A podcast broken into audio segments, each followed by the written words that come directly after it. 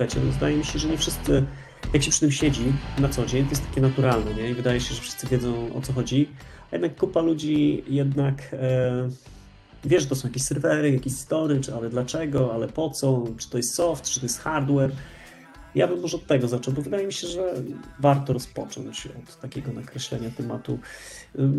Słuchaj, Marcel, może ty, bo ty jesteś tutaj, wiesz, człowiekiem, który przedstawia technologię w taki sposób, który no, jest przyjemny, jest od samego początku, więc to też jest fajne, bo te podcasty, które prowadzisz, one właśnie mówią o tych rzeczach, które dla nas, wiesz, wyjadaczy już tutaj, którzy siedzą latami w biznesie, no są takie, wiesz, naturalne. Trudno się o nich mówi nawet, no bo weź opowiadaj, co to jest serwer. No ja myślę, że to strasznie trudne jest, nie? Wiesz, wyjdź i powiedz, nie? Serwer to jest X, Y, Z. Więc y, może ty opowiesz trochę, czym jest, jak ty widzisz hyperkonwergencję? Jak, jak, jakbyś to wytłumaczył? Tak, cześć Maćku w ogóle. Cześć.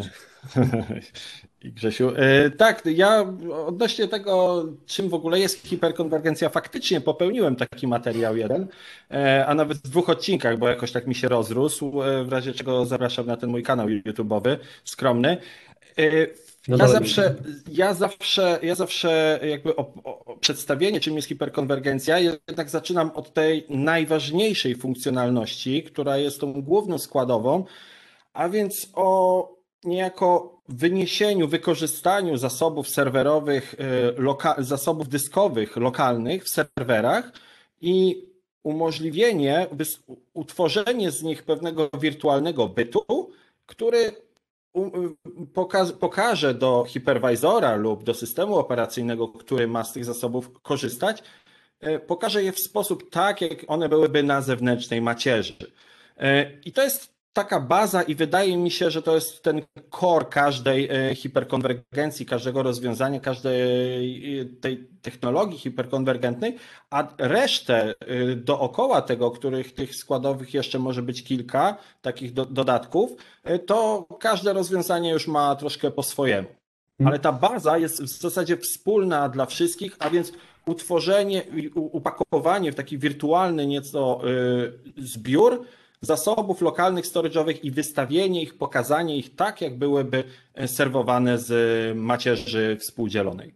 No jasne, jasne. No, myślę, że brzmi to dobrze. A dzisiaj z nami też jest Grzesiek e, Gondek z Cisco, e, który dołączył poopowiadać trochę w kontekście Hyperflexa o tym. No bo słuchajcie, ważne jest to, że każdy, tych rozwiązań hyperkonwergencyjnych jest sporo i każdy z nich ma jakieś swoje miejsce na mapie, czymś specyficznym się charakteryzuje. Czyli tak jak Marcel powiedziałeś, Mamy tutaj taki temat, że e, jest to ujednolicone podanie obu temat, obu jakby takich nośników, nie? CPU, e, RAM, storage w jednym.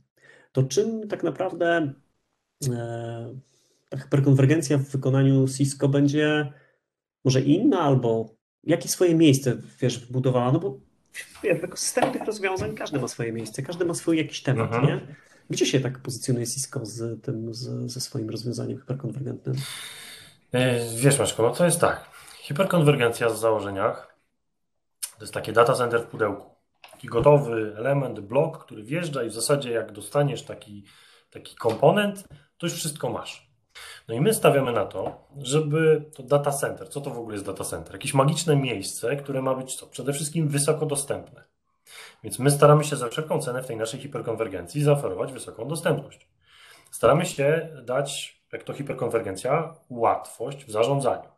Staramy się, żeby to środowisko było y, nie tylko odporne na awarie, nie tylko fajne w zarządzaniu, ale też i szybkie, więc i wydajność. No i kolejny punkt to mm, zabezpieczyć się przed jakimś takim vendor Wiadomo, że życie różne scenariusze potem przed nami stawia. To nie jest tak, że jak kupię hiperkonwergencję, to w żadną inną stronę nie pójdę.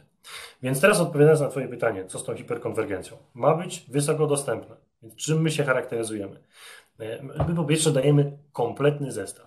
Dajemy w tym zestawie zarówno serwery, dajemy przestrzeń macierzową, dajemy sieć zintegrowaną, wspólne zarządzanie, ale to bezpieczeństwo z naszej strony to jest taka gwarancja, że to na pewno będzie działać.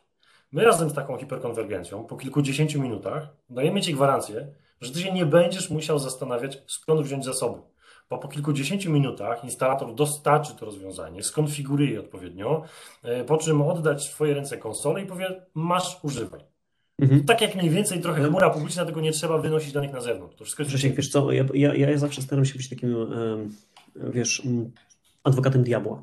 Nie? W no. tych naszych tutaj programach. No bo wszyscy tak mówią, nie? Wszyscy mówią, wiesz, wydajność, bezpieczeństwo, nie? Wszystko jest takie, mhm. wiesz, no, to jest taki wash and go, nie? No bo tych platform jest kilka, nie? Każdy z nich ma pewną architekturę. E, no i Cisco ma też swoją, nie? I, i na czym byście postawili w tej części takiej architektonicznej swojego rozwiązania? No bo wiadomo, coś musi być in plus. Nie, nie, nie, zrobiliście, nie zrobilibyście takiego samego produktu, jak już był na rynku, nie? Coś jest tą wartością dodaną. Maczko, więc tak, skoro mówimy o tej, o tej dostępności, wydajności, przede wszystkim myśmy zintegrowali sieć w naszym rozwiązaniu. Ona mhm. już tam jest, więc masz gwarancję, że wszystkie nody komunikują się wydajnie. Że to nie mhm. będzie pływać w zależności od tego, czy dane są w jednym i w drugim miejscu. To ma być przede wszystkim solidne rozwiązanie, na którym stawiasz swój biznes. Jest tam sieć, jest tam sieć Cisco. Sieć, dokładnie, sieć Cisco. Jest tam Fiber Channel. Okej, okay, dobra, właśnie, czyli FC, czyli nie tylko sieć Ethernet, tak? Czyli też SAN masz tam zintegrowany. Masz to, to premium już jest w cenie. My mm -hmm. dajemy ten SAN. Wiesz, dzisiaj zakładasz budowę środowiska małego pod jakieś konkretne potrzeby, ale mm -hmm. być może będziesz chciał to zintegrować z dużym światem, do którego masz już dopięty SAN, może tam mm -hmm. jest mhm. jakiś backup, może masz dane, które chciałbyś uwspólnić, może mhm. budujesz VDI i potrzebujesz wolniejszych zasobów macierzowych albo odwrotnie, szybszych. W Hyperflexie to nie jest albo jedno, albo drugie. To jest i.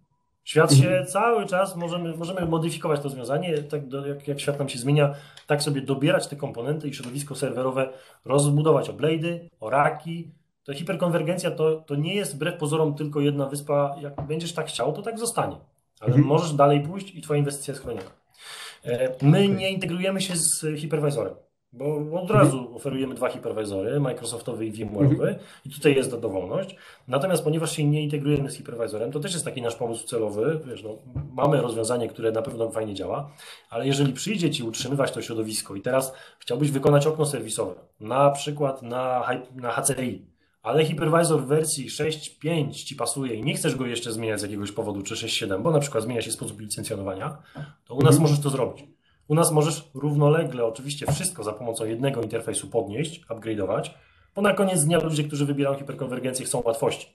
Więc dla nich taki jeden punkt upgrade'u to po prostu, a proszę Cię, podnieś mi się teraz do następnej wersji, już nie chcę wiedzieć. Ale jak celowo chcesz tym zarządzać, to możesz spokojnie tweakować te poszczególne śrubki i wybierać, jak to ma działać. Mhm. Zależności bo, nie? Tak, tak, ale powiedz jeszcze, że tę sieć bym podążył, skoro to jest taką wartością dodaną, bo faktycznie wiesz, w innych rozwiązaniach musisz mieć jakąś sieć, do której się dopinasz i ona jakby nie przychodzi w pakiecie. To jest tak, że jak kupujesz sobie mm, Hyperflex, to dostajesz tak jak w UCS-ach kiedyś e, ten e, powiedzmy taki e, interconnect na górze? Czy tak, jest... tak, jeżeli okay. kupujesz Hyperflexa, to ten interconnect jest. Jeżeli mhm. masz już swoje interconnecty, bo jesteś klientem Cisco i posiadasz jakieś rozwiązanie mhm. blade'owe, to możesz je wykorzystać. Jeżeli e, uważasz, że nie ma sensu, bo rozwiązanie jest małe, możesz z interkonektów również zrezygnować. Okay. Czyli można się do zwykłej sieci podpiąć, tak? Czyli na przykład, nie wiem, mamy jakąś sieć 25G, tak, tak. mogę się do niej wpinać. Mhm. Tak, jest 25, 40 giga, bo i takie mhm. mamy rozwiązania. Hmm. Natomiast y, jak patrzymy na to rozwiązanie dzisiaj i mówimy o na przykład technologicznych przewagach, wiesz, ładuję do środka Optane'a, ładuję dysk mhm. NVMe, mam takie rozwiązanie, taką petardę, chcę mieć kilkaset tysięcy IOPSów, to głupio byłoby tracić potem tą wydajność dysków w takim miejscu jak źle działająca sieć, bo w każdej hiperkonwergencji serwery muszą ze sobą rozmawiać i gdzieś te dane duplikować w innych miejscach. My gwarantujemy, że niezależnie od tego, no czy właśnie, do jednego, czy drugiego, bo, panowie, zawsze działa wydajnie. Bo przechodzimy tutaj do takiej jednej ważnej rzeczy, to znaczy, kiedy HCI jest takim optymalnym rozwiązaniem? Bo y, Marcel, jeżeli byś tak ze swojej strony na to popatrzył, kiedy HCI jest takim według Ciebie wiesz, wchodzisz do klienta, nie jako pre-sales, e, no i próbujesz zbadać jego potrzeby, nie? No i stwierdzasz, dobra, no będzie pasować HCI, nie? Nie ma co knuć, nie? Nie ma co zrobić tego 300, wiesz, tierowego stosu, że tam maciory, nie SAN, wiesz, Ternet, nie serwery. Kiedy to się zdarza według Ciebie z takiej perspektywy customer? Znaczy, jest, jest, jest kilka czynników, ale takim najważniejszym, który autom z automatu jest elementem, który hiperkonwergencję może wykluczyć, to jest w miarę jednolite, w miarę, w miarę jednolite rodzaj workloadu w naszym środowisku, tak? To hiperkonwergencja nie będzie pasowała do środowiska, przynajmniej ta sama wyspa hiperkonwergentna, którą stawiamy, nie będzie pasowała do środowiska, w którym my potrzebujemy mieć e, bardzo szybkie, wydajne zasoby dyskowe, na przykład pod VDI, i w tym samym środowisku chcielibyśmy postawić e, jakieś bardzo rozległe, nie wiem, file serwery. To znaczy, oczywiście da się to zrobić, tylko po prostu nie będzie to optymalne, tak? Patrząc pod kątem optymalizacji, to bardziej takim e, realnym scenariuszem byłoby postawienie tradycyjnego storage'u po prostu plikowego mhm. na, na, na, z, dużymi, z dużymi, wolniejszymi zasobami. To jest jedna. Drugim, e, drugim czynnikiem, który ja widzę u klientów, u których hiperkonwergencję projektowałem lub uczestniczyłem w, w procesach sprzedaży, a nawet wdrażałem, to jest faktycznie uproszczenie, uproszczenie zarządzania tym środowiskiem. I to, to, to akurat nie jest tylko taki mhm. buzzword y, i hasło marketingowe, tylko faktycznie y, ta, ta y, zarządzanie takim środowiskiem jest uproszczone, zarówno z punktu widzenia administracyjnego, jak i z punktu widzenia utrzymaniowego, ale też e, serwisowego, bo mamy pojedynczego, pojedynczego w zasadzie w przypadku Hyperflexa mamy pojedynczego producenta, który faktycznie dostarcza nam te obszary compute, storage e, i network w jednym rozwiązaniu, pojedynczy punkt zgłoszeń serwisowych. Są moim zdaniem takie naj, naj najważniejsze dwa wyznaczniki, a więc tam, gdzie czasami klient ma ograniczone zasoby e, administratorskie, tak, e, bo jest to też bo to nie, jest też, to nie są też rozwiązania do jakichś bardzo, bardzo dużych środowisk. Umówmy się, są to rozwiązania do raczej średnich środowisk, e, z, w zależności jak one się tam skalują, no bo to też kwestia definicji. Więc tam, gdzie trzeba u, u, uproszczenia tych, e, tych, tych e, procesów zarządzających i tam, gdzie jest w miarę mm, podobny do siebie workload w, tych, w, tej, w tej architekturze, jaki chcemy umieścić. Mhm, Grzesiek, jak, ty, jak ty byś to jakoś tam... No właśnie chciałem tutaj tak mhm. trochę może do, dopowiedzieć do tego, co, co Marcin powiedział, bo um, faktycznie mówimy o średnich środowiskach. No wiecie, nawet w dużych środowiskach e, sporo nasz firm, z którymi pracujemy, e, decyduje się na hiperkonwergencję w miejscu, gdzie potrzebują coś do tego dużego środowiska produkcyjnego dostawić. No bo okazuje się, że jest dział bezpieczeństwa, który niekoniecznie na infrastrukturze produkcyjnej chce trzymać swoje zasoby z wielu względów. Bezpieczeństwo, utrzymają jakiś atak, chcą mieć po prostu miejsce, do którego mogą wrócić. Niektóre działy sieciowe mają narzędzia w dedykowanym miejscu, gdy jest jakiś większy outage, to są w stanie uruchomić sobie procesy odzyskiwania świata, testy. E, DevOps, nawet w dużych środowiskach, powiem Wam, dzisiaj dosyć często sprzedajemy hiperkonwergencję jako dedykowane wyspy.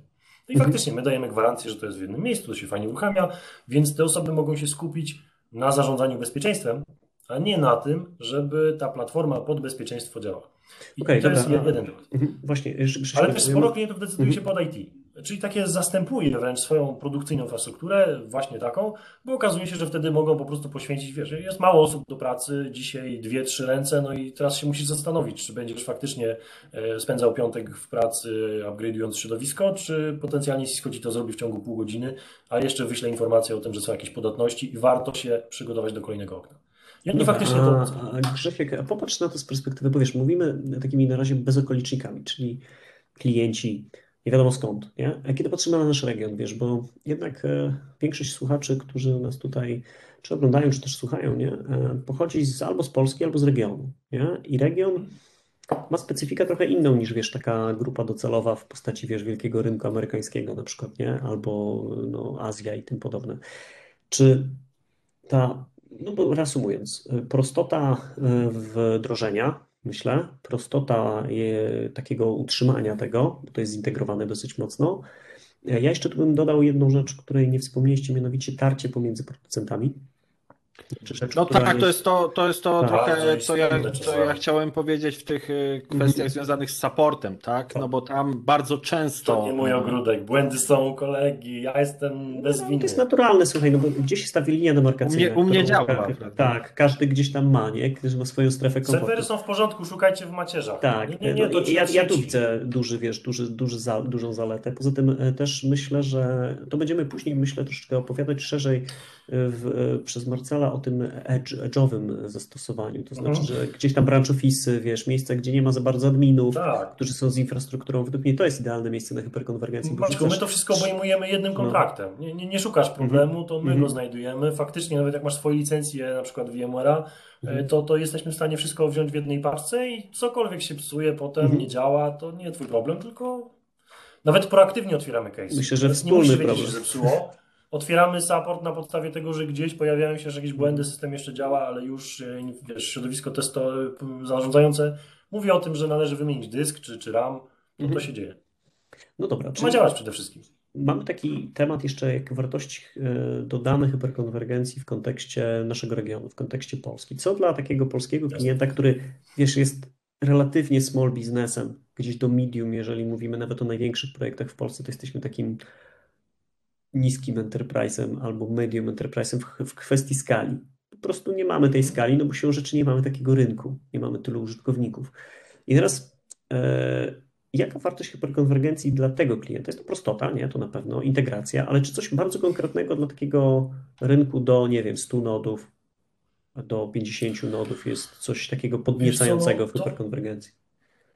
To trochę jest często tak, że w małych środowiskach ciężko jest to wyszkolonych ludzi. Brak, brak wiedzy powoduje, że tam pojawiają się pewne błędy czasami na etapie koncepcyjnym, doboru komponentów. Potem się okazuje, że nie możesz z tego wyjść dalej w macierze albo serwery cię ograniczają. W hiperkonwergencji, w Cisco, w Hyperflexie masz gwarancję, że Jesteś ograniczony od samego początku. E, no, dobry case. Nikczemnie, Właśnie, coś ogranicza, tak?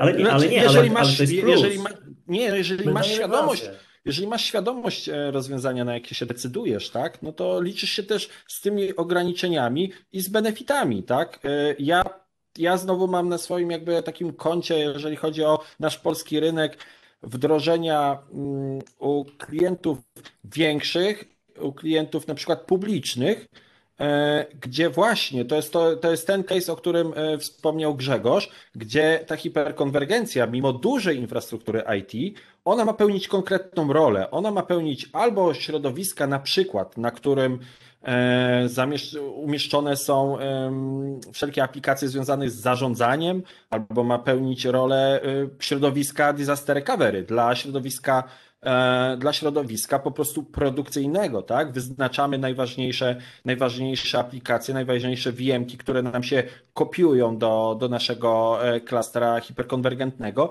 i w razie czego możemy je tam odpalić. U klientów mniejszych, e, i tutaj ten scenariusz edge'owy, o którym ja bardzo chętnie za chwilę opowiem, tam z kolei no, wchodzą, wchodzą w grę te, te czynniki też jak właśnie nie do końca.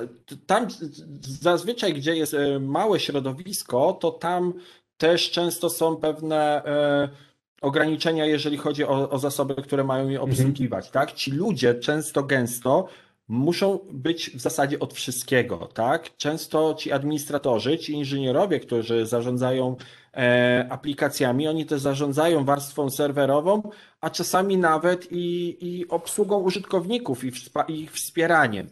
Więc dla nich środowisko, do którego oni po pierwsze nie muszą za często za, zaglądać, a po drugie, które nie generuje pomiędzy sobą pomiędzy sobą e, jakichś, jakichś problemów na siłę, mm, no jest faktycznie, jest faktycznie przydatne. No dobra, ja bym no jeszcze wrócił do tej otwartości, panowie, bo nie wiem, czy słyszeliście, że ogłosiliśmy również Hyperflexa czysto software'owego, który bardzo mhm. długo będzie dostępny, ale mamy Fiber Channel, mamy budowanie się za pomocą iSCSI. Nawet jeżeli mam potrzebę dołączenia innej macierzy, nawet jeżeli mam potrzebę dołączenia innych serwerów, nawet niech to będą raki po iSCSI, to cały czas to środowisko można rozbudować. I w przypadku hiperkonwergencji, tak jak powiedział Marcel, większość naszych klientów ma świadomość, jak to mówimy, ograniczeń. Nie, bardziej chodzi o to, żeby wybrać komponenty z listy, żeby się za chwilę nie bawić w to, czy dany serwer z danym softwarem, firmwarem faktycznie pasuje do układanki. To jak ja mam problem z dostępnością środowiska, ono ma działać, przyszło do nas parę firm i mówiło, że im słabo, nie, nie wydaje im działa środowisko i chcieliby to zastąpić. Dostali hiperkonwergencję, potestowali nasze środowiska, nie chcieli tego oddać. Zostało to w produkcji, co nigdy się nie powinno wydarzyć, ale nasz sprzęt testowy został w produkcji do momentu dostarczenia klastra produk e, produkcyjnego, bo dokładnie według książki zachowywało się tak jak powinno, mhm. problem rozwiązany. Wiesz co, to jest te następstwo tych platform, z których to się wywodzi, czyli z platform konwergentnych. Pamiętacie te VC na przykład, nie? Taki, tak. Gdzie tak naprawdę mieliśmy konkretnego raka, który wjeżdżał tirem e, do serwerowni. Nie dało się tego zamówić w innej konfiguracji, prostu a, dru- a, drugi, nie? a w drugim tirze pieniądze za to, prawda? To wiesz, to Ale niewiele się my dalej zmieniło. My tym tradycją. Tak. Przecież y, CVD, Cisco Validated Design, to mhm. cała masa różnego rodzaju dokumentacji i konkretnie za tym idąca gwarancja. To mhm. ma być, w ogóle hiperkonwergencja jest tańsza, bo jak weźmiemy koszty całe, nie tylko zakupu, ale i utrzymania tych wszystkich problemów, które my potem zdejmujemy z głowy, to się faktycznie nie, nie dzieje tak, że, że, że, coś potem cię zaskakuje. Wiesz, Wiesz dokładnie, co się wydarzy. Grzesiek, ja myślę, że ona ona nie jest droższa, ale też nie jest tańsza. To znaczy, y, daje ci zupełnie zysk w innym miejscu. To znaczy, bardzo często tak rozmawiając z klientami, wiesz, gdzie, gdzie projektujemy coś e, hyperkonwergentnego, wiesz, pojawia się zawsze ta rozmowa, porównajmy to do systemu, wiesz, tirowego, nie? Ja mówię, słuchajcie, no można to porównywać, ale wyobraź sobie, masz SAN, musisz się z nim szarpać, musisz mieć tych ludzi wyciągniętych z grobu, którzy się na tym znają, e, ludzi, którzy, wiesz, y, muszą się znać zajebiście na sieci, często. nie?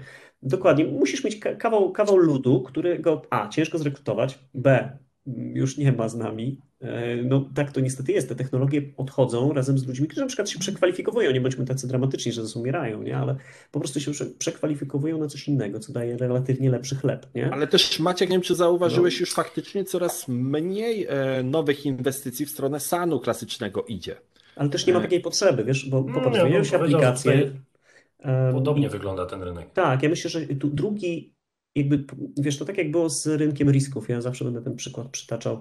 E, rynek risków po prostu dalej istnieje, ma się świetnie, nie? Tylko, że jakby nie urósł tak bardzo jak obok Bumble X86, nie? który po prostu jest z mhm. wielkości tysiąc razy większej. Natomiast to nie zmienia tak faktu, że riski po prostu są dalej ogromnym rynkiem, tylko to bardzo dobra analogia. No tak, pewnie. Tak samo z chmurą jest, zauważ, wiesz, wszyscy migrują do chmury, no robi się ten ruch wielki, nie, a na końcu drogi i tak mamy swoje środowiska. No po prostu rośnie, rośnie wszystko. Tak, cały tak? rynek, dokładnie. To jest trochę tak, że hiperkonwergencja to chyba znalazła po prostu swoją niszę pomiędzy mhm. chmurą a infrastrukturą tradycyjną. Bo jest tak samo wydajna jak tradycyjne środowiska. W zakupie, mówisz, że nie jest tańsza.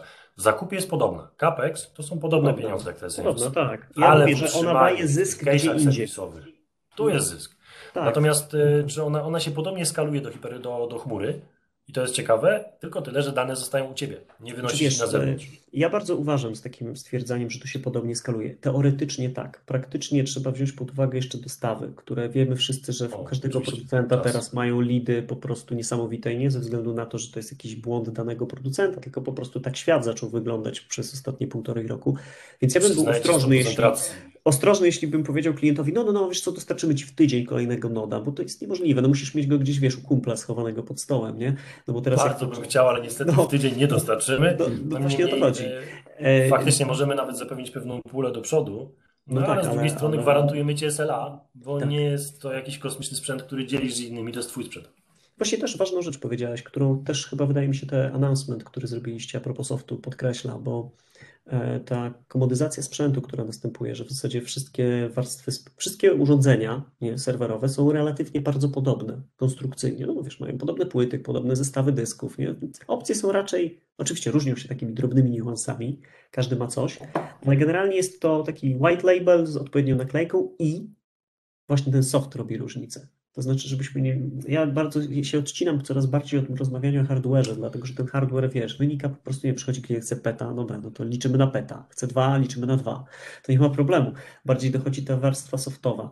I teraz powiedziałeś o tym, że można zarządzać tym całą platformą od początku do końca. E, ja pamiętam, e, kiedyś mieliście takie oprogramowanie UCS Manager nie? I on zarządzał tymi blade'ami. Nie wiem, czy ono dalej istnieje, ale wydaje mi się, że jest. Tam UCS Director, później były kolejne tam UCS, emanacje no. UCS. Intersight. Intersight, UCS Intersight. To jest naturalna. To jest jedna mhm. platforma, która UCS Directora dzisiaj Jasne. I on, i, I on tak naprawdę zarządza zarówno tą częścią powiedzmy tradycyjnego tradycyjnych platform, czyli tam UCS-y, UCS-y blade'owe, rakowe. W blade'ach, w blade'ach przede wszystkim. Ale też hyperkonwergencją teraz może zarządzać. Też tak? i, i słuchaj, i raki, i blade'y to jest koncept, mhm. żeby to była jedna platforma. Jeżeli potrzebujesz postawić ją lokalnie, AirGap, oczywiście ok. Mhm. Natomiast my idziemy jeszcze dużo dalej. Uśmiechnąłem się, jak mówiłeś o tym sprzęcie, bo za tydzień zaskoczymy Was, myślę, nowym announcementem, już dzisiaj ogłoszeniem, przepraszam, jesteśmy mm -hmm. w mhm. Polsce, e, więc pokażemy trochę nowości w rodzinie, co można innego zrobić z procesorów takich tradycyjnych RAMu i przecież tych, tych płyt głównych. To, to śledźcie proszę nasze nasze kanały komunikacyjne. Jeśli chodzi o zarządzanie, to Intersight stał się takim centralnym punktem do ogarnięcia mhm. wszystkiego. E, tam również nie, nie, tylko zarządzanie infrastrukturą typu firmware. My staramy się podać. Grzesiu, poczekaj, może w ogóle słowo wstępu, czym w ogóle Intersight jest. Dokładnie, bo jest, to, jest to jednak coś innego niż, e, niż do tej pory e, znaliśmy. Jest to inne narzędzie. Jak coś to powiedz. Słuchajcie, centralna konsola którą my serwujemy z chmury domyślnie i ona służy do zarządzania infrastrukturą. Hej, meraki miejscu... dla serwerowni? Tak jest, meraki dla serwerowni. No. Jeśli nie chcesz używać chmury, ok, możesz zainstalować u siebie na wirtualnej mhm. maszynie, ale domyślnie staramy się, żeby było z chmury. Dlaczego? Bo w jednym miejscu zbieramy informacje o tym, jak sprzęt się zachowuje, monitoring. I po co? Że jak na przykład z tym sprzętem coś jest nie halo, jak mu coś nie dolega, nie, nie domaga, to my staramy się to naprawić proaktywnie. Tam automatycznie już nie trzeba wysyłać żadnych informacji o case, o ataku, e, tylko po prostu naprawiamy, wysyłamy komponenty. E, chcemy, żeby wszystkie sprawy związane z niekompatybilnością elementów, żeby to było wyłuszczone i wyświetlone. Drogi kliencie, nie zgadzać się na poziomie HCL-a na przykład firmware dla karty sieciowej. Podnieś go. Skąd go wziąć? Nie szukasz go. Klikasz, ja już wiem jaki masz serwer i wiem jaki masz oprogramowanie. Ja Ci konkretnie ten konkretny driver podam, żebyś go sobie ściągnął i zainstalował. W krótkim czasie. Jak są różnego rodzaju błędy, announcementy, bezpieczeństwa, jakieś psirty, bugi, to, to wszystko wyświetlamy. Masz serwer, którego oprogramowanie aktualnie ma jakiś błąd. Proszę, zaktualizuj go. Więc nie tylko wiedza, zarządzanie, ale poszliśmy krok dalej. E, orkestracja. Tam można również e, wpisywać, tam jest orkestrator, do którego można na, na podstawie diagramów e, przygotowywać flowy i dostarczać usługi. Więc możesz z tego poziomu powiedzieć, że chcesz stworzyć nowy serwer, zainstalować system operacyjny. To się ma wydarzyć w konkretnych krokach i masz przepis. Tam dajemy też y, optymalizację środowiska, czyli rozwiązanie, które się nazywa Workload Optimization Manager. Y, to jest środowisko, które bada wykorzystanie zasobów i mówi, jak je przesunąć, żeby aplikacja była szczęśliwa. Czyli na przykład przesuń aplikację inaczej, bo od strony macierzowej kiepsko działa.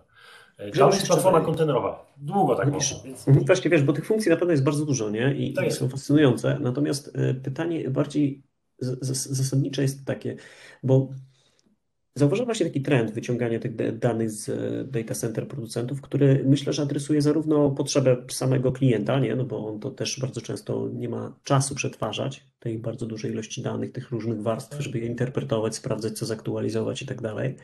Ale też myślę, że dla Was jako firmy, która daje gwarancję, jak to sam powiedziałeś, e, pomaga Waszym operations, nie? Zbierać dużą ilość danych, żeby tak naprawdę być szybszym w reakcji, nie? Więc myślę, że to jest taki obopólny... Tak, że to jest taki obopólny zysk, y, który no, powoli się pojawia. Stąd powiedziałem Meraki. Meraki to taka platforma Cisco, która e, zarządza Wi-Fi, po prostu hotspotami. Dzisiaj akurat chyba nawet na jednym jestem. E, która właśnie zmieniła trochę taką, e, taką horyzont sieci Wi-Fi, bo nagle się okazało, że nie musisz mieć zarządzania u siebie i łączyć się na IP i pamiętać te hasło tego jednego, switch, tego jednego access pointa. To, to widzę, że to idzie w tą stronę, co brzmi ciekawie.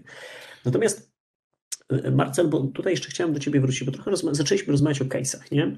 E, w sumie e, pojawisz się tutaj jako współautor w zasadzie takiego jednego z case'ów, gdzie e, Hyperflex wdrożony został w dwóch sajtach. To był polski projekt, z tego co wiem, tak? I mm, jak Ty jakby jak przygotowywałeś ten projekt, nie patrzyłeś na niego z perspektywy, dobra, wchodzisz do klienta, pojawił się temat hyperkonwergencji, zaadresowaliście go Hyperflexem. To co się później wydarzyło? Popowiadaj trochę, jaki to był case, co było tak naprawdę tutaj istotne dla, dla klientów, nie? Jasne. Znaczy, zacząć trzeba od tego, że tych e, wdrożeń na Hyperflexie, tak zwanych e, multi-site, czy w kilku sajtach już jest kilka, ale ten mhm. był jednym z pierwszych, o ile nie pierwszym. Okay. On był jeszcze na, też na poprzedniej, na poprzedniej, w zasadzie pierwszej, jeżeli chodzi o z perspektywy, mm, z perspektywy generacji serwerów, e, na, na, na po prostu na tej pierwszej wersji. Tam nie było czegoś jeszcze wtedy takiego jak obecny dzisiaj stretch cluster, a więc mhm. coś, co możemy postawić po dwóch sajtach, ale to są to są fizycznie dwa, dwie wyspy, ale tak naprawdę z punktu widzenia mm, zarządzania e, jest to jedno, jedno miejsce, które w realnym czasie e, w zasadzie e, synchronicznie kopiuje do drugiego. Okej, i powiedz mi, to było tak, że w kontekście tego wdrożenia to były dwa jakoś daleko od siebie odsunięte ośrodki? To... to były ośrodki, to były ośrodki oddalone o siebie, od siebie o kilka kilometrów, mhm. natomiast w obszarze takim powiedzmy metropolitarnym, po prostu w różnych e, krańcach miast, oba w dosyć, że tak powiem, krytycznej infrastrukturze. Mhm. I tak jak mówię, tam nie było jeszcze wtedy tych takich natywnych rozwiązań e, do, e, do jeszcze nie w tamtych wersjach. Mhm. Natomiast to zostało rozwiązane po prostu te, to, to, to klonowanie, to replikowanie, e, bo zadanie było proste. Sajt podstawowy, sajt zapasowy. Tu nie było wielkiej magii. W razie upadku sajtu podstawowego stuprocentową funkcjonalność tego samego ma być podniesiona w sajcie drugim. Tam akurat e, część funkcjonalności, część tych replik została zrealizowana na poziomie wbudowanego natywnie klonowania w, w samego Hyperflexa, a część została douzupełniona po prostu replikacją e, Vima, tak? Bo Vim mhm. też się świetnie integruje akurat na tym poziomie nawet i storage'owym z Hyperflexem i potrafi z jego snapshotów, tych takich natywnych storage'owych mhm. korzystać i tu akurat to było bardzo przydatne, bo, bo część z tych aplikacji bardzo nie lubiła VMware'owych y, snapshotów. Mhm. Wiemy, jak to wygląda, i tam faktycznie był z tym problem. Tam akurat nie był problem typu taki, że one się rozsypywały, te, te, te VMki podczas, y, podczas y, wykonywania joba backupowego, gdzie wykonywany jest snapshot, tylko one sobie powoli, powoli coraz więcej, coraz więcej, coraz więcej w zasadzie w nieskończoność by mogły pobierały zasobu CPU i RAMu. Jasne. To rosło, rosła ta bańka w ciągu tygodnia, dwóch. Pyk. Zmiana na zejście, podniesienie poziomu licencyjnego na Vimie, skorzystanie z, z tych snapshotów yy, hyperflexowych, jak ręką odjął. Więc to też taka mhm. re, realna, realne było zobaczyłem to na własnej skórze, że to jednak e, faktycznie tak, tak może być, nie? A, a powiedz Marcel, bo jedno założenie to był DR, nie? No to tak z tego Tak, to, to było jedno i naj... znaczy podstawowe. Czyli ciągłość, ciągłość działania, tak? Że Hyperflex podnosił ciągłość działania tam e, aplikacji w danej, w danej firmie. Tak. No i dobra, i teraz mm, miałeś taką sytuację, a co jeszcze było? Tam właśnie też wchodził case uproszczenia, zarządzania tym, czy, tak, czy oczywiście, to było no... drugą, wiesz, bo co było na pierwszym planie, co było na tych pozostałych? O, oczywiście, no te kwestie, które już dzisiaj poruszyliśmy, mhm. a więc to było środowisko zbudowane dla środowiska yy, z którego dopiero działają e, e, różne aplikacje mhm. do zarządzania pozostałą częścią sieci. Więc w założeniu ono miało być takie, że jak je się wdroży, to tylko żeby pilnować, żeby to update'ować co jakiś czas, ale naj, najlepiej, żeby tam nikt nie musiał specjalnie nic robić. Więc mhm. te uproszczenie administracyjne grało bardzo dużą rolę. E, tam część tej sieci, ważne było też za, zawarcie od razu tej jednak tej, tej warstwy sieciowej bo tam wystarczyło faktycznie, e, tam sieć e, już była e, dobra, grube rury były rozciągnięte pomiędzy Mm, pomiędzy tymi obiektami, więc tam w zasadzie wystarczyło wpiąć linki w Fabric Interconnecty i to już, już, się, już się widziało. Oczywiście przeszło to tam przez, przez infrastrukturę jeszcze jakąś dodatkową sieciową, jakieś Nexusy i tak dalej, natomiast, mhm. natomiast ta warstwa, to, to też uproszczenie w tym obszarze było ważne Czyli... i to, że rozwiązanie zawierało tą część sieciową. Czyli rozciągnięte było L2 tam, czy robiliście to klonowanie? Tam było rozciągnięte L2. Mhm. Ale też jest możliwość po L3, nie? Jakby klonowanie tego wszystkiego i połączenie. Czy koniecznie musimy mieć między środkami L2 po To znaczy, wiesz, no w tym przypadku to my sobie to możemy, jeżeli, jeżeli coś replikujemy na przykład mhm. Vimem, to sobie możemy e, nawet, nawet po LTE, tak? Mhm, no. e, replikować. W przypadku, w przypadku rozwiązania aktualnego, a więc tak zwanego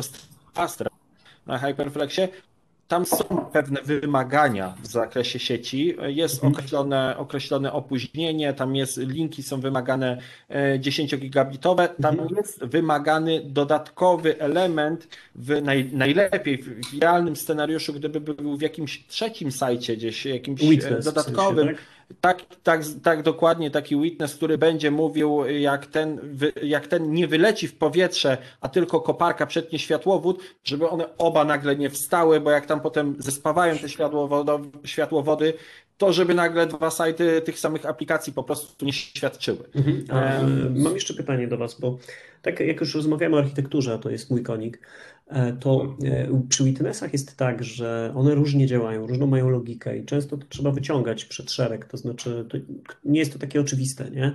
To znaczy, że jeżeli witness e, działa, kiedy rozcięcie następuje światłowodu, to sprawa jest prosta. Rozumiem, że to musi być trzeci kompletnie różny ośrodek, taki, w którym niezależnym ringiem skomunikowane są te dwa. Czyli nie siedzi tak, witness razem tam z jednym, jedną nogą, nie? Okej. Okay. No dobra, i teraz y, to Witness to jest urządzenie, czy to jest jakaś maszyna wirtualna? Co to jest? Wiemka. Wiemka, czyli nie mieć jeszcze tam powiedzmy dwóch hyperflexów gdzieś w trzeciej lokalizacji, nie, nie, nie, po prostu nie, być chmurze, To może być serwer, na którym stoi coś A może to być, Grzesiek, ta część tego oprogramowania do zarządzania, czyli tam jak mamy od Was e, ten... W ogóle y, dla dwunodowego na przykład mhm. klastra, takiego najmniejszego hyperflexa jaki jest, to my w ogóle prosimy, weźcie sobie tego witnessa od nas z chmury, bo jak potrzebujesz coś małego, coś nie, no to przecież nie będziesz inwestował dodatkowo, to my Ci chętnie damy to jako usługę z tej naszej chmury, no, żeby no to był powód, myślałem. dla którego warto. Nie musisz, możesz postawić u mhm. siebie, nie musisz do tej naszej chmury się dołączać jak nie chcesz, ale jeżeli chcesz, to jest jedna z tych zalet, nie szukasz oprogramowania. Okay. E, słuchajcie, a wymagania pomiędzy takie sajty to, to są dosyć istotne, bo zdarzyło nam się robić na przykład klaster OLNVMe. I teraz mówimy o klastrze, no Marcel mówił tu o klastrze, który był replikowany asynchronicznie, mm -hmm. w najlepszym razie tak. semisynchronicznie. Ja tak, mówię o replikacji synchronicznej. Ktoś chciał mieć pewność, że w obu sajtach dane są takie same. No to co? Ładuje dużo, Właśnie, ładuję dużo mhm. pieniędzy w, sprzęt, mam, mam te dyski NVMe, teraz muszę poczekać, aż druga strona mi zapisze, więc wolne łącze powodowałoby, że mógłbym się nie silić na takie szybkie dyski. Zapisze i jeszcze da, zna, da znać, że zapisała, prawda? Potwierdzi, no, dokładnie. E, mówimy o 5 milisekundach round trip time i mówimy o, e, o 10 giga przepustowości, takie są mhm. rekomendowane wymagania, które są oczywiście jakimiś tam ograniczeniami. E, potrafimy od tego robić odstępstwa. Jak ktoś ma inne parametry, można się zgłosić i, i dostać nawet oficjalny glade, że co prawda nie jest tam 5, ale 6, ale będziesz robił flash, mm -hmm. nie NVMe, więc to da radę. Tylko, że nam chodzi o to znowu, żebyśmy byli Żeby w stanie spełnić. zagwarantować, że z tym nie będzie problemu. No bo to przecież o to idzie gra, że to ma zawsze działać, że to ma być mm -hmm. łatwe, no ma być tańsze. Poczekajcie, bo wiadomo, każdy z, każdy z tych softów i hardware'ów ma mniej więcej podobne ograniczenia, powiedzmy, które wynikają z tego, żeby właśnie nie skrzywdzić klienta, żeby, żeby nie pozwolić klientowi się skrzywdzić. No bo to generalnie o to chodzi, nie? żeby nie przekroczyć tych powiedzmy magicznych 10 milisekund, bo to jest nieużywalne później. Nie? To znaczy, no, no, jest taki temat, w którym już zaczynamy płakać wewnętrznie, nie? No bo się okazuje, że tutaj właśnie tak jak Marcel wspomniał, nie? Jeszcze, jeszcze trzeba pomachać z drugiej strony, że zapisałem dane i dopiero wtedy tak naprawdę idzie czek na IOPSa. Mhm. No więc to jak najbardziej tak. Ale y, w tym case, na przykład tych dwóch ośrodków, asynchroniczna replikacja, czyli to były dwa niezależne klastry, E, które mm, miały spełnić przede wszystkim tą ciągłość, uprościć.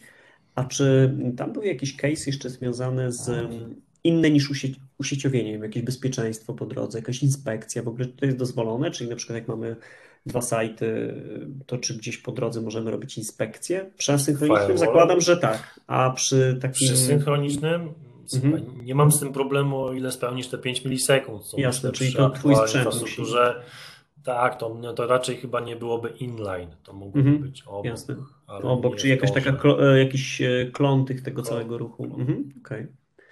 okay. no dobra. Czyli mamy taki case, w którym były dwa sajty. W międzyczasie powiedz Grzegorz, czy wyście w Polsce gdzieś wdrażali jakiś e, jeszcze taki temat, który był dla Was no, takim tematem interesującym, ciekawym, gdzieś w jakimś case, nie wiem, na przykład ostatnio dosyć sporo rozmawiam o healthcare'ze, dlatego że no, się rzeczy, nie?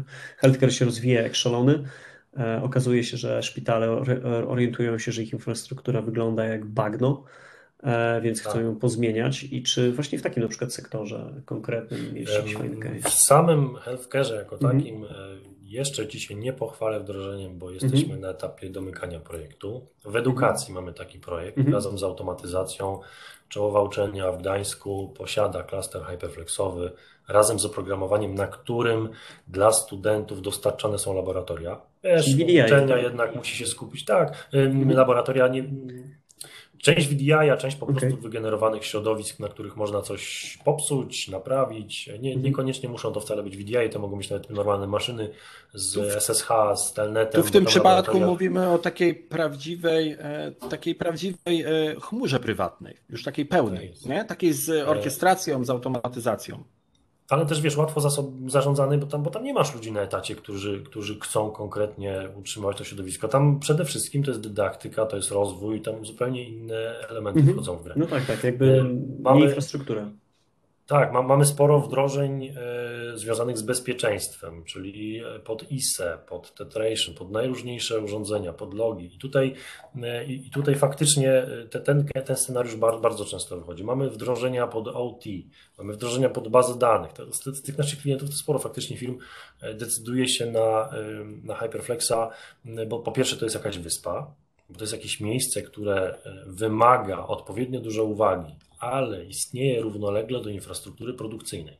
Więc to jest taki powód, żeby poświęcić temu należytą uwagę, ale jednocześnie nie możesz nad tym czuwać, bo co innego zaprząta twoje, Twoją uwagę na co dzień. Stąd właśnie e, systemy czasami komunikacyjne.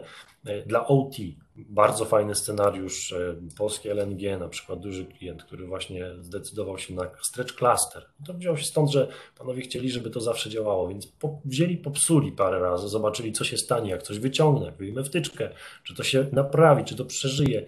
Kurczę, okej. Okay Mamy niewiele osób, mamy bardzo duże jakby nadzieje, mamy, mamy bardzo dużą wagę przykładaną do dostępności tej infrastruktury, więc nie stać nas na to, żeby system zarządzania produkcją w polskim LNG stanął. I mhm. zdecydowali się właśnie na przykład na HX. Okej, okay, a powiedz mi, bo e, jeszcze taki temat poruszyłeś bazy danych, mnie to interesuje w kontekście Oracla. Yy, powiedz mi, czy w ogóle na Hyperflexie mieliście jakieś wdrożenia z Oraclem w tle? Chodzi o to, wiesz, no jakby jak zwykle o co chodzi w Oraclu, czyli o licencjonowanie. O licencjonowanie. E, z no. Oraclem w tle nie z Microsoftem, mhm. tak? Ale okay. podobny scenariusz, bo chodzi o te kory magiczne, więc Wtedy po prostu do Hyperflexa, który stanowi przestrzeń danych i oczywiście mhm. moc obliczeniową, dokładam jeden dodatkowy serwer, na przykład wyposażony w czterokorowy procesor wysokiej częstotliwości i na tym posadawiam bazę.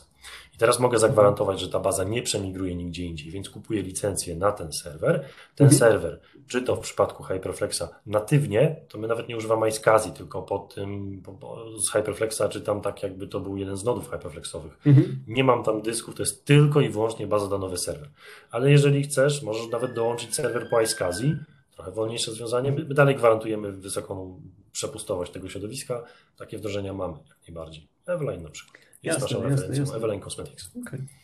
Super, super, super. To ważna informacja, bo myślę, że to taki use case, który wiele firm ma w Polsce, gdzie gdzieś buduje wyspy, wiesz, e, w oparciu o różnego rodzaju serwery, a hyperkonwergencja może być tutaj ciekawym, ciekawą alternatywą ze względu na wydajność między innymi. Mamy wdrożenie SAP na Hyperflexie, wiesz, mhm. zrobione. Tak, to SAP też, ja też widziałem. Jest, jest sporo takich środowisk, gdzie ta mhm. wysoka wydajność jest istotna. Jakbyśmy wzięli na tapetę takie trzy nody, hyper, trzy, trzy serwery hyperflexowe, mhm. gdzie dyski twarde to są dyski NVMe, a cache to jest optane'owy, to, to, w zasadzie te dane to są już pod samymi procesorami, już bliżej się nie da. No tak, Wy, nie, to już w zasadzie w cache'u siedzisz, nie? E, a no, dobra, rozmawialiśmy o OT jeszcze, wiesz, ten temat OT mnie ciekawi, bo gdzieś tutaj dzisiaj chciałem poruszyć, żeby też Marcelo trochę opowiedział o tym case'ie edge'owym. Wydaje mi się, że gdzieś to można z tym OT połączyć, bo jednak e, te rzeczy się zazwyczaj ze sobą łączą, plus jakiś branch office. Co to było, Marcele, gdzie tam właśnie ten temat Edge, e, użycie Hyperflexa w Edge'u? I co przez to, nawet, rozumiesz? Może to, nawet, to nawet nie było, to znaczy to jest prawda, że to było, mhm. ale to też jest, bo wczoraj wysłałem, wczoraj wysłałem dokumentację, a we wtorek jadę to wdrażać. A, no to jest e, świeżo bardzo. E, ale to jest po prostu kolejny, kolejny mhm. element tego edge'a, tak? To jest kolejna po prostu... Ale dobra, ale edge, wiesz co, bo ja zauważyłem, że ludzie bardzo Już... dziwnie interpretują edge, nie? Co, tak. co ty przez to rozumiesz? Oczywiście to jest pewna, e, pewna nazwa e, Siskowa po prostu dla, e, dla, dla tego typu rozwiązań. jest to po prostu HyperFlex Edge jest środowiskiem dedykowanym do rozproszonych lub po prostu małych środowisk. Mhm. Skaluje się ono od wspomnianych tutaj przez Grześka dwóch nodów do maksymalnie czterech nodów.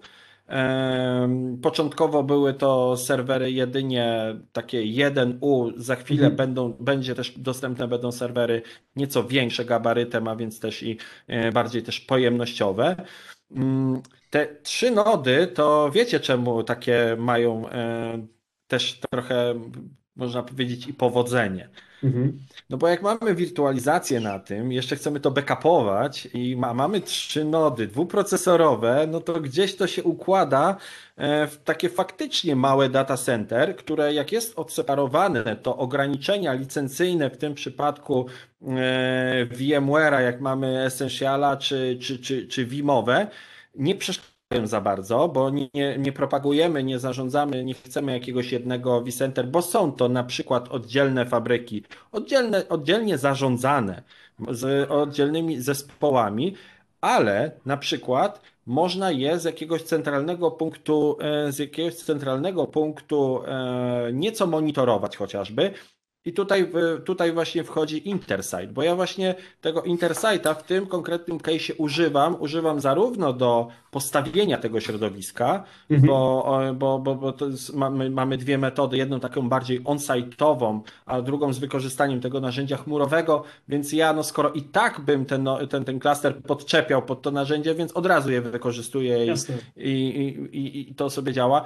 I tu jest, mówię, tu znowu Znowu oprócz tych, mówię, korzyści takich gdzieś tam tych rzeczy po drodze, licencji, tych dodatkowych elementów, no to na takim środowisku trzynodowym naprawdę możemy dużą wydajność uzyskać i to wcale nie musi być jakieś all-flashowe, bo, e, bo tam naprawdę mega robotę robią cache'owe dyski i, i, i to, co to capacity, które mam na e, tych dyskach e, do tego przewidzianych jeżeli jeszcze dodamy w Hyperflexie i to też w modelu edge'owym natywną, bez żadnych tam dodatkowych licencji, bez dopłacania już, już dodatkowego, mamy deduplikację i kompresję, to nawet z tych kilku dysków na trzech nodach, z których realnej przestrzeni mamy powiedzmy dwa, no bo wchodzi nam jeszcze w grę coś takiego jak replication factor, a więc te nody muszą poreplikować te dane do siebie, tak, na wypadek, jakby jeden sobie chciał całkowicie pójść na wakacje albo jakaś tam grupa elementów z niego. Mm, no i w zasadzie oczywiście compute mamy ze wszystkich trzech. Mhm. Storage mamy gdzieś tam z dwóch, ale biorąc pod uwagę tą kompresję i deduplikację, wracamy w zasadzie tak, jakbyśmy mieli te trzy. I to jest naprawdę fajny case, znaczy z takiej mojej praktycznej, no bo ja, ja mogę wybrać dziś, mogę wybrać każde rozwiązanie, tak, e, dla klienta, któremu, któremu pomagam. Natomiast e, znam już też e, tego Hyperflexa od tej przede wszystkim z tej strony nieawaryjności i niesprawiania zbyt dużych problemów dla tych, dla tych klientów, którym pomagałem w przeszłości. I tam już, gdzie to jest, i dołożenie kolejnej wyspy, to jest naprawdę moje przy tym, to jest jedynie wsparcie, a mhm. w zasadzie jak jest dob dobra dokumentacja, to, to klient jest sobie to spokojnie. Właśnie, dołożenie, Marcel, bo ja myślę, że warto ten temat poruszyć, bo e, wiecie, w świecie wirtualizacji też miało być tak różowo, że można sobie, wiecie, kupujemy jeden hypervisor nie, i później dokładamy różny sprzęt. Świat pokazuje, rzeczywistość pokazuje tak, że później wchodzą takie technologie jak np. VMware EVC, nie? czyli e, wyrównanie funkcjonalności procesora do tego najgorszego w stadzie, nie? E, co sprawia, że taka metoda rozbudowy klastra poprzez dołożenie po czterech latach nowej generacji procesorów sprawia, że ma się po prostu e, nowe procesory, które działają na pół takie Ferrari z silnikiem malucha. Nie? I jak to jest przy hyperkonwergencji? No bo wiadomo, wymieniają się generacje procesów, no bo to się najszybciej zmienia, nie? W zasadzie co roku mamy V kolejne, nie? Intelowskie się pojawia, coś tam nowego wchodzi.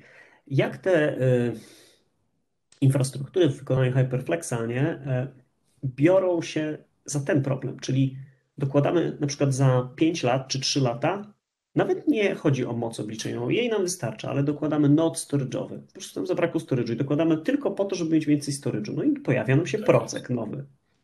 Co się wtedy, co, jak, jak do tego podchodzić? Maćku, mamy już takich klientów. E, no, Pracujemy z firmami, które już e, wprowadziły sobie na przykład dwie generacje temu dany serwer i teraz już są po rozbudowie i takie klastry działają na zasadzie mieszanej, to znaczy mhm. chcemy, żeby konfiguracja dysków była odpowiadająca. To już nie będą te same dyski, bo tamte były dostępne 4 lata temu, to są dzisiaj, ale ta przestrzeń mniej więcej jest równa.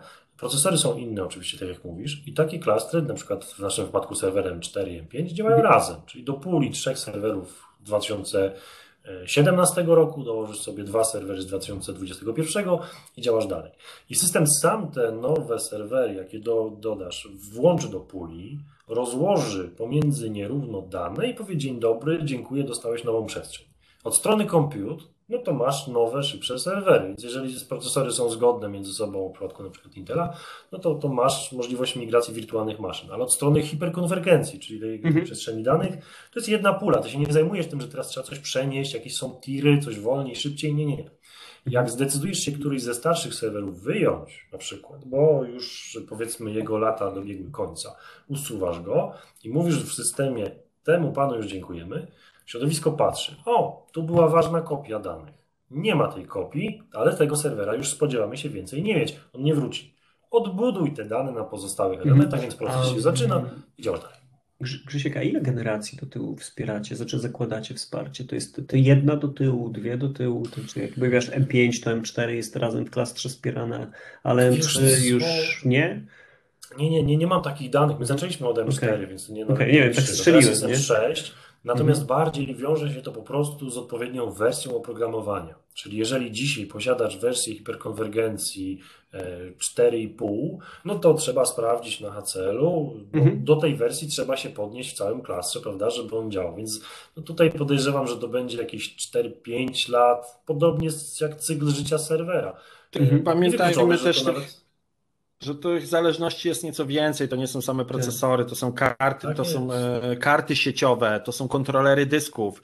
E, no ten compatibility matrix tutaj w tym przypadku jest dosyć złożony. E, no, są narzędzia, które nam w tym po prostu podpowiadają i ułatwiają i sam UCS no też pilnował tego, że no do pewnego momentu i potem już, mhm. potem już no niestety wyżej nie podskoczymy, żeby właśnie no nie pchać e, jakby już niekompatybilnych elementów w infrastrukturę nowszą, tak? Mhm. Wiesz, zawsze możesz też postawić parę serwerów w drugim klastrze, w ramach tej samej infrastruktury i mieć po prostu kolejne data story na, na drugim klastrze. Wiedząc, tak. że tamten jest starszy, wolniejszy, one mhm. będą w jednej puli zarządzania i pod jednym mhm. środowiskiem, ale już będziesz wiedział, że to są dwa klastry hyperflexowe i każdy z nich będzie mógł okay. oddzielnie. Czyli e, generalnie jakoś sobie radzicie z tym, że na przykład nie macie takiego equal multipath, nie? Czyli że wszystkie są równe, nie? No bo czasami się zdarza tak, że jak jest M4, tak? Który tak. potencjalnie może mieć trochę wolniejsze dyski, nie? a tutaj wchodzi M5 z NVMe czy tam M6 z Optane'em, no to wiadomo, jak te dane się rozłożą, to to nie zawsze może być równa wydajność z całego klastra. I tutaj macie tak, takie Maćku, mechanizmy, tak które to... Łączyć. Nie chcecie, właśnie nie, o to mi chodzi. Nie chcemy łączyć na przykład serwera, mhm. który będzie miał różne dyski z różnymi prędkościami. Jeżeli to są dyski flashowe, to wchodzimy mhm. w konfiguracje flashowe. Jeżeli okay. hybrydowe, czyli mechaniczne, to mechaniczne. Ja cały czas chcę Ci zagwarantować tą dostępność w Hyperflexie musielibyśmy wejść głębiej, ale my piszemy i czytamy informacje na wszystkich serwerach jednocześnie, nie ma lokalności. Niezależnie od tego, który z serwerów e, działa, wszystkie są obciążone równo, więc one wszystkie się powinny zachowywać podobnie. Dzięki temu uzyskujemy duże przepustowości jesteśmy mniej wrażliwi na awarie, ale też wymagamy, żeby te serwery były podobne, no bo po prostu chcemy zagwarantować zawsze ten sam poziom obsługi. Jasne, czyli e, jeżeli powiedzmy mam klaster hyperflexowy i chcę go sobie rozbudowywać, to mam go w rodzinie SSD, to w nową, i chcę go rozbudować, nie tworzyć nowy klaster, nie? to powinienem iść tą samą rodziną na przykład, czyli iść dalej w SSD, tylko one się będą zmieniać tak. pojemnościowo pewnie, no bo wiadomo, może... No będzie, w jednym będzie 7,6 tera, w drugim tak, tak, 7,3 tak. tera. Tak, a stary mam 3,6, nie, na przykład, no bo takie akurat wtedy kupiłem. Okej, okay, ale dalej pozostaje w rodzinie SSD, nie mogę tak do, do końca mieszać, powiedzmy NVMe z SSD i tak dalej. No tak. jest myślę słuszna droga. Poza tym, tak jak myślę powiedzieliście na początku, to przypomina trochę wybieranie takiego serwis katalogu w, u dostawcy cloudowego. To znaczy nie da się wybrać krzywdy. Mhm. To znaczy, że wiecie, że nie można się podrawać prawą ręką za lewym uchem. I to jest, moje, to jest rzecz, która prowadzi mnie do takiego ostatniego pytania dzisiaj, czyli naszej rozmowy. To znaczy, jak często no bo znam klientów w Polsce, 15 lat już z nimi pracuję, trafiacie na takie, w czasie rozmów z nimi, na takie scenariusze, których się hyperflexem nie da zrealizować, tylko dlatego, że ktoś je tak y, perfidnie wymyślił. To czy zdarzało się wam tak, że nie wiem, ktoś już tak na siłę próbuje znaleźć scenariusz, no i to widzicie panowie, no nie pasuje. No nie pasuje. Czy raczej klienci się już zmieniają i idą w stronę tego, że wow, dobra, zrezygnuję z tego, bo to jest corner case. Nie? Oczywiście. Jak, Słuchaj, no to to jest jedno z narzędzi w skrzynce y, dostawcy rozwiązań. No i teraz, jeżeli pasuje do, do środowiska, to, to, to dobrze. Jeżeli potrzebujesz samochodu na tor wyścigowy, no to będziesz go budował sam więc przygotowujesz infrastrukturę od początku i chcesz mieć dostęp do każdej najmniejszej śrubki w tej infrastrukturze i wszystko modyfikować, żeby ona działała jak napięta struna, była zawsze gotowa. Ale jeżeli ty potrzebujesz samochodu do jazdy po mieście, no, no to, to, w tym momencie oczekujesz, że ktoś ten samochód dla ciebie zbuduje, ktoś go będzie serwisował i jak on się zepsuje, to będzie go naprawić. Krzysiek, bo twoje zgoda.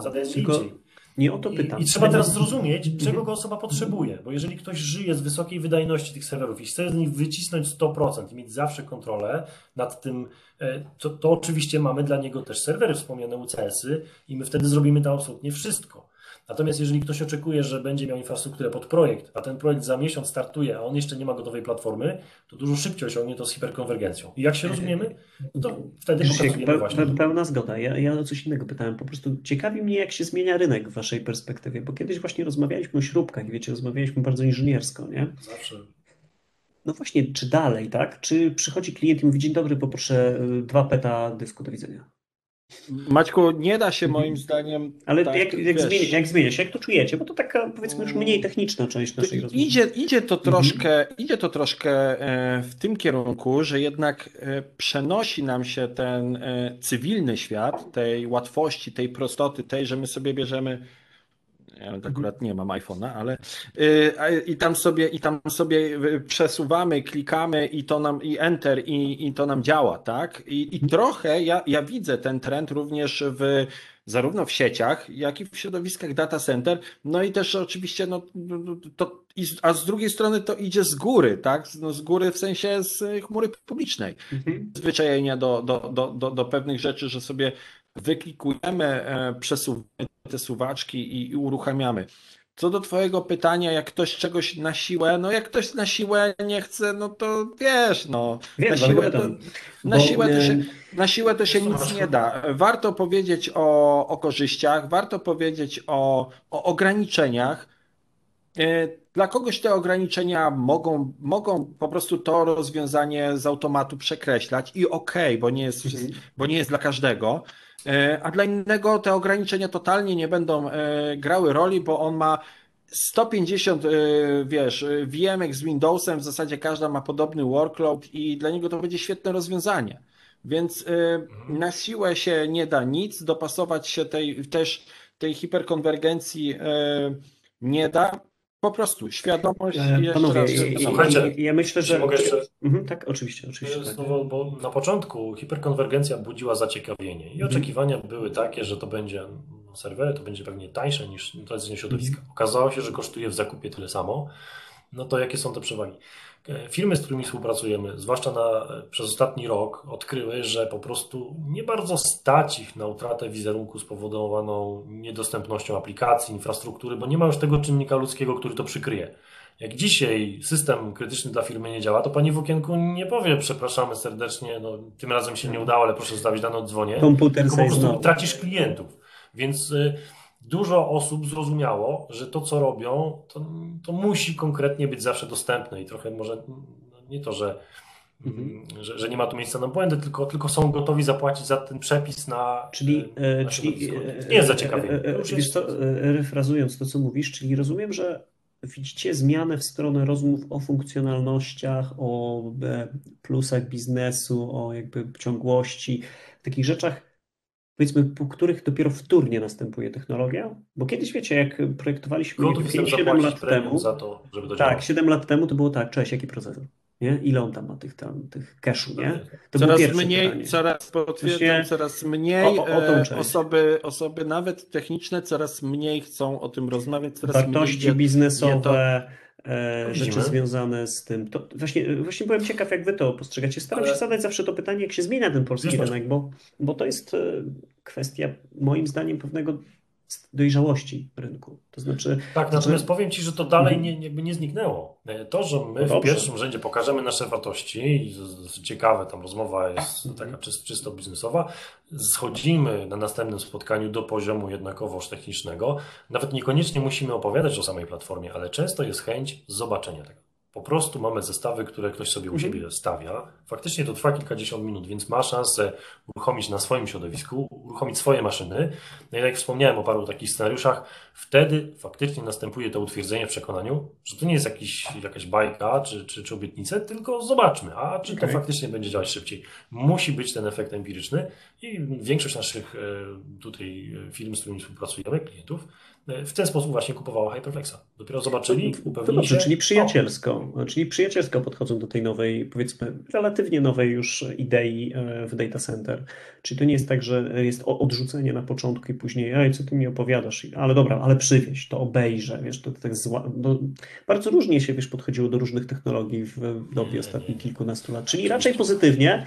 E, to cieszę się, że rynek odbiera hyperkonwergencję pozytywnie. Ja widzę w tym ogromny trend i myślę, że przyszłość data center nowych, dlatego że to, o czym wspomniałem, też kwestia później zarządzania tym utrzymania, kwestia też skonsolidowanego supportu vendora, to znaczy e, widzimy taki trend, w którym wszyscy producenci zaczynają sprzedawać wszystko w subskrypcjach Myślę, że sprzęt też za chwilę będzie już w pełni w subskrypcjach sprzedawany. To, to już ten sprzęt, powiedzmy, taki, który znamy teraz, że co parę lat wymienia się e, generacja Hyperflexów, pewnie za parę lat będzie subskrypcyjna. No bo siłą rzeczy za tym idzie um, utrzymanie waszego działu supportu.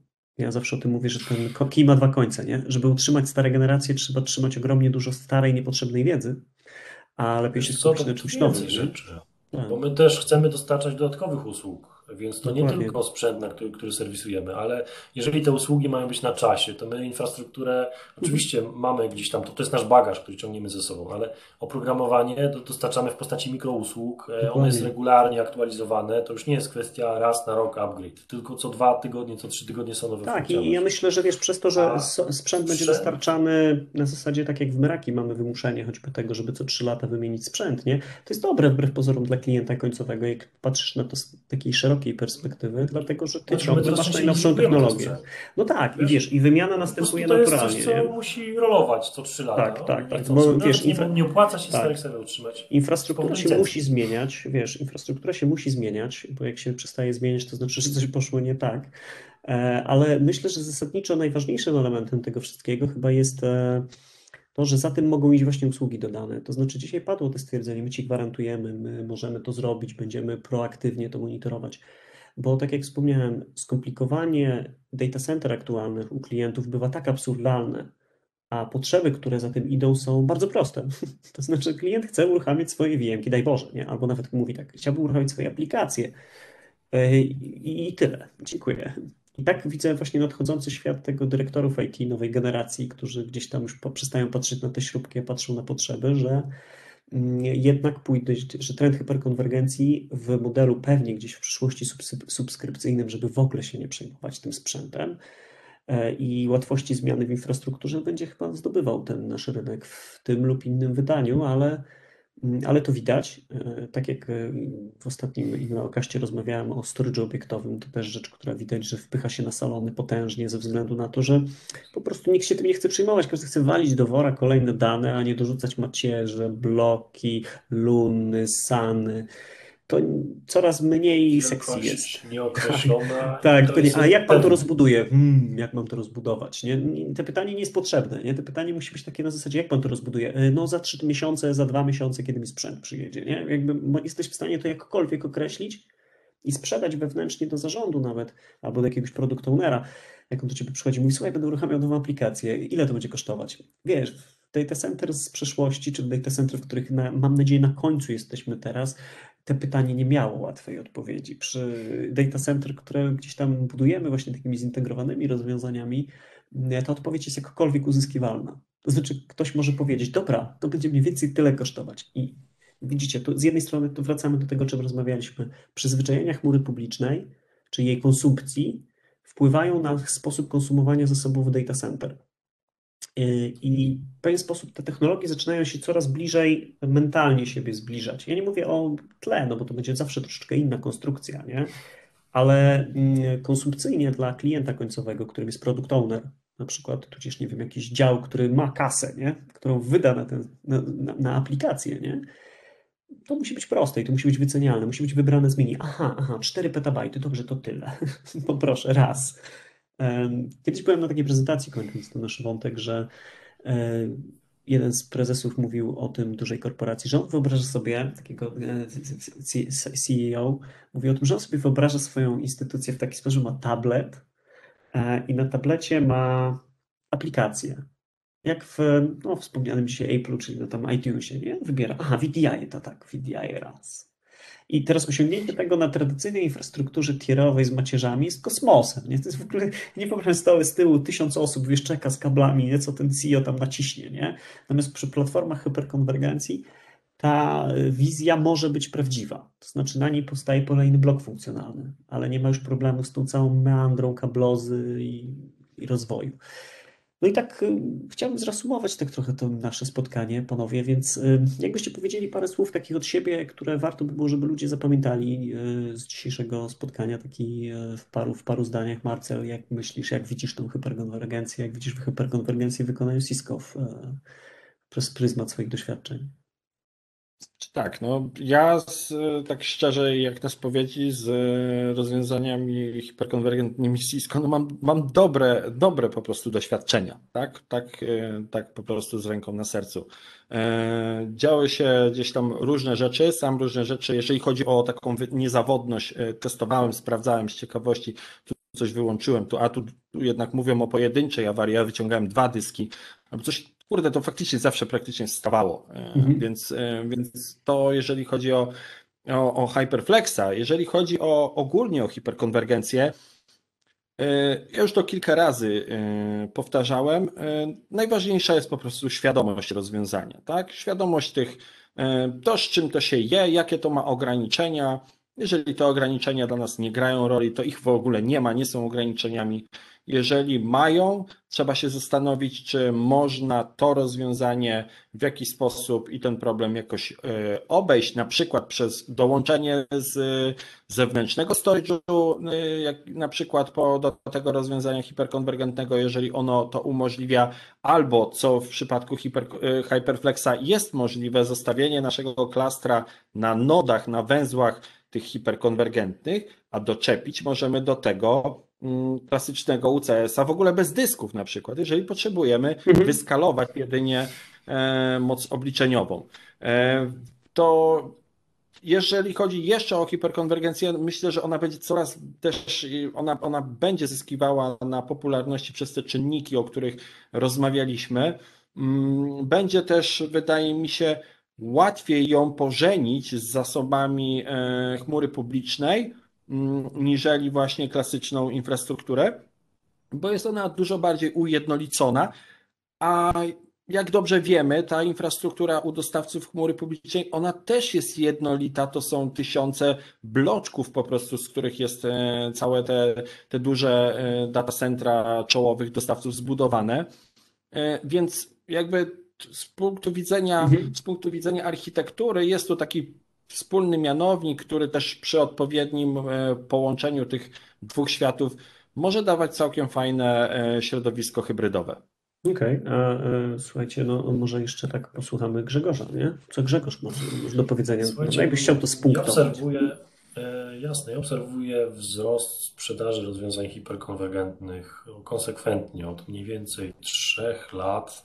E, to są takie wzrosty dwucyfrowe wręcz powiedziałbym. E, I to, to, co obserwujemy, to jest właśnie chęć mm, przede wszystkim zbudowy rozwiązania, e, budowy rozwiązania, które będzie odporne na różnego rodzaju awarie, będzie ciągło, ciągle działało, będzie wydajne. Wszystkie te cechy staramy się pokazać w postaci platformy hiperkonwergentnej.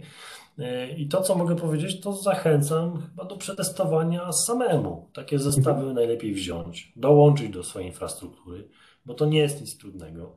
Jak mam parę serwerów rakowych, obok mogę postawić hiperkonwergencję, mogę przenieść tam dane, mogę zacząć to psuć, patrzeć, co się wydarzy. i, i faktycznie zdobyć własną wiedzę. No, ale doświadczenie pokazuje, że firmy, które tego spróbowały, doceniają i rozbudowują się, wracają ci klienci. Te firmy, które nas raz kupiły, doceniają, bo w tym momencie są w stanie rzucić zasoby w inne miejsca. A dzisiaj niestety tych rąk do pracy wcale tak dużo nie jest. No to prawda. Więc to prawda. zachęcam do, do sprawdzenia.